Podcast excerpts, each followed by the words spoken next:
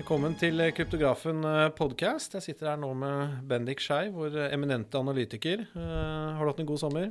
Strålende sommer. Kort, men uh, veldig fin. Vært en tur i Nord-Norge og fått full sydenstemning der. Så du satt ikke og fulgte med på hvert eneste tikk oppover på bitcoin? Uh... Ja, prøvd å ta litt pause. Det har fungert sånn delvis. Tenk å komme tilbake, og den har brutt gjennom 10.500, og nå ligger den vel på nærmere 12, eller 11-6, tror jeg. Ja, vi har jo venta en stund på det, så fint at det skjedde midt i ferien. Men litt sånn støtte- og motstandsnivåer. Det er jo, etter mine kalkulasjoner, så tror jeg vi brukte nesten to år på å liksom etablere oss over 10 000, er det riktig? Eller 10 5 da, som har vært det, liksom. Ja, utenom den lille turen innom i fjor sommer, så er det lenge siden jeg har vært på de nivåene her. Og det at man nå kom seg over 10 500 endelig, etter å i fjor høst med denne Kina-China-pumpen, så gikk man til 10-5, men rett ned til 6000 igjen. Og nå i februar så gikk man opp til 10-5 og rett ned til 4000. Og nå endelig da, så har man klart å etablere seg over 10 500, så nå er det store spørsmålet Klarer man å eh, stenge uken over 11.005. Det har ikke skjedd siden januar 2018, altså siden all time high, basically. Rett etterpå, på ukeschartene. Så det er veldig spennende tider, men det ser jo veldig teknisk sterkt ut akkurat nå. Men eh, jeg, for mine egne observasjoner, så syns jeg det, liksom, det er litt annerledes nå. Det er ikke det er liksom ikke én sånn trigger, på en måte. Det er jo mange mm. fasetter, og vi skal prøve å gå litt innom de ulike. Uh, både teknisk, adopsjon, volum, uh, kvalitet på kjøpere. Der, her er det liksom masse å ta tak i uh, denne gang. Men hvis vi snakker litt om momentum i markedet, da. liksom, vi hadde en sånn der mini likvidering på søndag, eller nå i helgen, mm, der den plutselig gikk ned nesten 1000 dollar. Men det hentet seg jo like raskt inn igjen. Hvordan er volumene nå? Eh, liksom? Nei, det, var jo, det er det som er så interessant med juli. Det så jo ut til å bli den, eh, den måneden med minst prisstigning i bitcoins historie, sånn relativt sett. Og så kom de to siste ukene av juli hvor vi brøt oppover 10 000, og da kom det inn masse volum. Så nå begynner volumet sånn på ukesnitt å nærme seg det høyeste vi har sett hittil i år. Eh, litt roligere nå de siste dagene, men det ser jo veldig sterkt ut. Og også det at eh, man eh, med denne likvideringen i helgen, hvor du på en måte fikk eh, wipet ut bokstavelig talt over en milliard dollar, at det da på en måte hentet seg opp igjen og nå nærmer seg akkurat samme nivåene igjen, det det er et veldig sterkt uh, momentum, og man sier at man aldri skal uh, fight a trend, eller hva nå dette ordtaket er, men det, ja, det er uh, veldig positivt. Men er ikke dette litt sånn derivatmarkedproblematikk, på en måte? Fordi Hvis du handler med giring, da, så vil du for det første vil jo da utslagene når du først selger av være, bli ganske store. Og mm. liksom, det er en, altså Både på Derbit, Bitmex og mange av de er jo sånn opptil ti ganger gir, eller nei, til 100. Ja, det er, det, som er, det er derfor vi ser disse store fallene og store hoppene opp, fordi det er folk som blir likvidert. Og når du har disse derivatbørsene som tilbyr opptil 100 ganger giring, så blir folk tatt ut på 1 eh, svingninger. Og da setter i gang en rekke med likvideringer hvor folk taper alle pengene sine. og jeg er personlig ikke noe fan av disse 100X-børsene, så vi kan gjerne få de ut av verden og få ned giringen litt. Men, eh, så det blir et litt roligere bitcoin-marked. Men eh, det, det, er, det, har veldig mye å si, disse derivat, derivatmarkeder generelt. Disse hvalene må jo ha det hyggelig. De kan jo bare sette inn, legge inn kjøpsordre på 5, 7, og 10 og 15% lavere og ha sånn trailing. Ja, så hver gang det kommer sånne små sånne sell-offer, så kanskje de får noe fills. Da. Ja, altså det er jo til og med folk som spekulerer om at noen av disse uh, uregulerte derivatbørsene sitter og følger med på dette selv og tar noen skikkelige posisjoner og flytter markedet selv og likviderer mange likviderer folk da, og flytte prisen, og så mange blir likvidert. Så det er en stor blackbox, hele dette uregulerte markedet. markedet og ja, i hvert fall der du trader mot huset, sånn CFD-aktige greier. og det er jo strengt at det det er der. Mm. Men det er greit. Men eh, når det gjelder liksom store profesjonelle, da, det har jo vært liksom de siste to årene liksom, Nå kommer institusjonene, når skal fond og hedgefond begynne å handle og sånn. Hva er det du ser der ute nå, da, hvis du tar for oss litt, litt sånn CME, Bact og Grayscale, da, som er på en måte de verktøyene de har til rådighet akkurat nå? Mm. Det er det som er veldig kult å se nå. Vi har jo, jeg og mange andre har jo snakket om at de institusjonelle kommer inn, og nå, nå kommer de. Men nå ser man det jo faktisk på, på dataen også. og CME, da, som er den største regulerte liksom, plattformen for proffe borte i USA, den uh, hadde vel kanskje 5 eller noe sånt noe andel ved årsskiftet av det totale derivatmarkedet, og nå nærmer det seg 20% av det totale. og det er over 800 millioner i eksponering der nå, og det har bare skutt i været i det siste og gjennom hele 2020.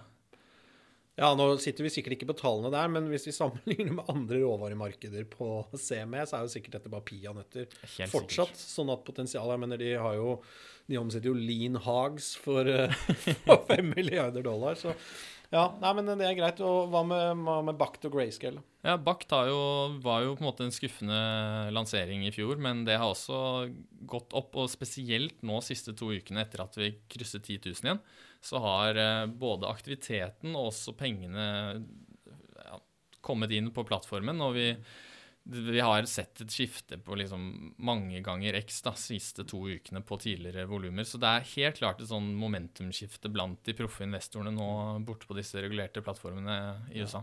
Og Bact, da er det slik at hvis du har børsmedlemskap, da hvis du er eh, et fond eller hedgefond eller sånt noe, og har tilgang til New York Stock Exchange, så vil du også ha tilgang til Bact-plattformen.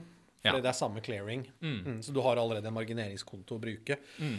Så det er jo veldig veldig interessant. Jeg leste også at Grayscale setter jo nye rekorder der. De hadde nesten en milliard i innskudd nå i Q2. Hvordan er det Grayscale fungerer? Er det sånn at når de får innskudd, så må de kjøpe bitcoin, eller er det eller hvordan, er det selve fondet fungerer? Hva vet du? Ja, for det er for, to forskjellige lag, da. Disse innskuddene er på en måte for å få um, Hvor du må være sånn akkreditert investor for å få eksponering. Eh, og så selges, eh, selges da eh, disse grayscale-produktene til eh, vanlige mennesker på aksjemarkedet i USA, og du kan få eksponering mot disse produktene gjennom uh, sånn pensjonsavtaler og sånn borti USA. Det er eneste måten å eksponere seg til krypto. De, de kjøpes jo med en ekstrem premium i forhold til spotpris på både bitcoin og Ethereum, så det er veldig merkelig dynamikk der, og at de selges så mye over spotpris, men at det kommer så mye penger inn til Grayscale, er jo et tegn på at interessen stiger noe voldsomt.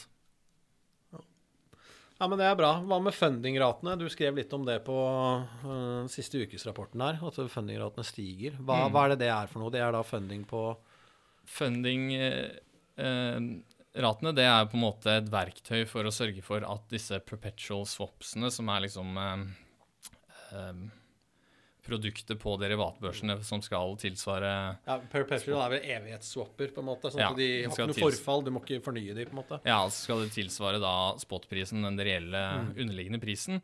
Og da er jo fundingratene en verktøy for å holde den prisen mest mulig lik spot. Så hvis den beveger seg langt over den underliggende prisen, så, er det, så betales du da for å ta short-posisjoner, altså en positiv eh, fundingrate. Og hvis den går langt under, så får du en negativ fundingrate, så du blir betalt for å gå, gå long. da. Så det er et verktøy for å holde prisen mest mulig lik. Og det vi så nå når vi gikk opp mot eh, 12 000 nylig før denne brutale wipeouten i helgen, så gikk fundingratene noe voldsomt opp. Eh, og det trigger jo da mange til å gå short, men det betyr jo da at mange har, sitter i long-posisjoner, og hvis markedet da faller litt, så blir alle disse tatt ut. da. Så nå det, det er veldig sunt å se at den siste uken så har dette normalisert seg igjen og gått ned på et fornuftig nivå, og det er ikke et overeksponert long-marked akkurat nå. Nei, ikke det, så vi fikk denne lille smellen, men vi har hentet oss inn, og derivatmarkedet ser mye sunnere ut enn for en uke siden. Så det er totalt sett positivt, det Man, som skjedde i man tok av litt av den der eh, overivrigheten, kanskje. Ja, ikke sant. Så det er ikke helt sunt at alle skal sitte med store leverage-posisjoner oppover. Så, men det var jo mye, mye på bitcoin, og jo, det er jo det som er artig med det markedet her, at alle elsker jo én ting, så hver gang vi snakker mye om bitcoin, så kommer alle andre inn og vil at vi skal snakke om uh, Ripple og Ethereum og alle, alle mulige andre. Så vi snakker like så godt om, eh, om alt her. Um, men er det egentlig ikke Ethereum-storyen sterkere nå i sommer? Har ikke liksom prisvekst, volum og det, det, faktum at den er nesten clogged opp nå? Ikke sant? Gassprisen har gått i tak og Jo, det ser jo ut foreløpig til å være Ethereums år. Altså Ethereum har vel gjort 200% siden nyttår, mens eh, bitcoin har gjort eh, 60 Eh, Og spesielt gjennom sommeren så har det jo vært en voldsom vekst. Eh, Og det er jo dette nye, nye desentraliserte finansmarkedet som vokser noe veldig, har blitt hypet veldig, og folk sammenligner litt med ICO-boblen som kom, men her er det på en måte en eh, mye dypere use case enn hva man så med disse ICO-ene. Så det er, det er veldig spennende det som skjer nå, og det er eh, interessant at de møter på problemer med, at det er uh, høye transaksjonskostnader og sånn òg, så ja. Det, driver vel frem kanskje sånn layer 2-scaling på et eller annet tidspunkt òg, da. Men hvis vi beholder oss litt på Defi, da, så er det jo Jeg husker vi snakket om dette for nesten et år siden, holdt jeg på å si, i hvert fall før jul. At um, du kunne få så god rente mm. ved å låne, liksom, sette inn uh, kryptoene dine, og så blir det lånt ut til andre profesjonelle aktører. De blir da låst, men du er jo eksponert mot det du setter inn. F.eks. hvis du skal eie bitcoin eller Ethereum i lang tid, så kan du like godt låne de bort og faktisk få en rente i tillegg til prisoppgang. da. Mm. Så det er jo greit å forstå. Det der har tatt helt av. Nå er det jo over 3 milliarder dollar tror jeg, som er låst i de Defi-produktene. Kommet oss i 4,5 4,5 milliarder. På en uke? Ja, på et par uker. Så det, det går rett opp akkurat. Ja, var, for jeg skrev jo Jeg undersøkte jo ja, det, ja, det var en uke siden ca. Ja, det var jo latterlig morsomt. Mm. Men så har det dukket opp da et nytt uttrykk som heter yield farming. For det viser seg det at du plutselig kan få en inntektsstrøm til. da. La oss si at du eier bitcoin eller Ethereum. Du kan sette det inn, låne det bort. Men i tillegg kan du få en annen inntektsstrøm. Hva er yield farming? Ja, det er jo det at du da i tillegg da, til å få renter for at du eh, eller putter pengene dine på plattformen, og det blir lånt ut, så får du li, et lite ekstra bidrag for å bidra med likviditet på plattformen, sånn at det skal være nok likviditet der. Og da har vi jo fått nye, alle disse nye tokensene, Defi-tokenene. Alle protokollene og plattformene har nye egne tokens, så folk får dette i tillegg da, til renter. En liten ekstra bonus. Og dette har jo blitt en veldig hype gjennom sommeren, fordi disse tokensene til alle plattformene har jo gått mangedoblet seg i pris, og alle vil få tak i de, og for å få tak i de, så må du putte penger inn på disse plattformene. Nå har jo mange av de blitt listet rundt omkring på børser, men i starten så var det veldig sånn her må du bidra med likviditet, så får du litt, uh, litt av denne tokenen også. Så uh, det, vi får se hvor bærekraftig akkurat den delen der er på sikt. Men uh, det er ja, veldig mye penger som puttes inn i Defi akkurat nå, og det er utrolig spennende ting som skjer. Men er det det som gjør at liksom Ethereum har blitt klogget opp, da, som det heter? At det, blir, det, er så lang ventetid for å få akseptert transaksjoner og det koster så mye penger? Mm, det er et av, et av, momentene. Så har du også at uh, Tether, som er den største stablecoin, den er størst på Ethereum. Den, uh, det er der, der folk uh, sender og bruker Tether mest nå, og det tar jo mye space. Og så er det også faktisk en stor del andel scams og sånne ponzi Ponzi-systemer som eh, Det er faktisk ganske mye av på Ethereum akkurat nå. Jeg så at den fjerde største av liksom eh, FIS-brukerne er en Ponzi, altså som er liksom mm. stemplet som Ponzi. Så det, det er, ja, det er, men det er bare mer aktivitet generelt på Ethereum, så det er jo Ethereums år foreløpig, da. Jeg syns det var litt fascinerende at uh, Ethereum som snakker om at gaming skal liksom klogge det opp og gjøre at de møter en mur, det er liksom alle mulige ting, men så viser det seg at det kanskje er en stablecoin som heter Tether, som ingen hadde tillit til, men som da de facto har blitt den folk har mest tillit til. Det har jo blitt en standard, den er akseptert på de alle børser. Mm. Det er liksom det der er liksom eh, Det er sånn first mover, og de som kommer seg til skala først, de vinner veldig mye, da. Mm. Så blir det veldig spennende å se hvordan det her skal løses, da. For nå er det jo nå er det et problem at det er veldig dyrt med transaksjoner på Ethereum. Og enten så er det jo at eh, etterspørselen for å gjøre transaksjoner på Ethereum skal gå ned, at, eh, for det er det som gjør at den blir høy, at flere og flere vil gjøre transaksjoner. Eller så er det at man finner en løsning, implementerer noe nytt. ikke sant? Og det er jo der er det allerede mye spennende forslag. Jeg leste her i går om et forslag på at man skal uh, tilpasse blokkstørrelsen etter hvor mange transaksjoner det er akkurat, altså folk vil gjennomføre akkurat da. Uh, og at man på en måte har et sånn Ja, Sånn at du basically ikke har, du har nesten ikke noe tak. Du bare Nei. Er det en million transaksjoner som går inn i blokken, så er det det, på en måte? Ja, og så kan du gjøre den mindre også. Men en kul sammenligning jeg leste, var at du kan se for deg en motorvei med forskjellige mange felt. da Eh, og at alle betaler en standardfi for å kjøre der. Og så åpner man og lukker antall eh, felt etter hvor mange biler som kjører der. Og så har du det nye forslaget det er at man kan ha en sånn tip, tipp altså du gir tips til minerne. Eh, I form av at du har på en måte et sånn taxifelt på siden av motorveien, hvor du kan betale ekstra for å få kjøre der da, hvis du vil få transaksjonen din gjennom tidlig. Så det, det, er vel en av de som er nærmest å bli implementert på Ethereum av nye, nye løsninger nå. Og, men det er jo som, det er veldig mye Det er alltid mye kritikk ikke sant, mot skalering og hva som kan skje, men uh, folk finner løsninger. Vi ser jo det med disse second layer og alle, alt mulig som bygges rundt. ikke sant? Det, Det er jo litt samme som Lightning, bare at at det er nye løsninger på Ethereum.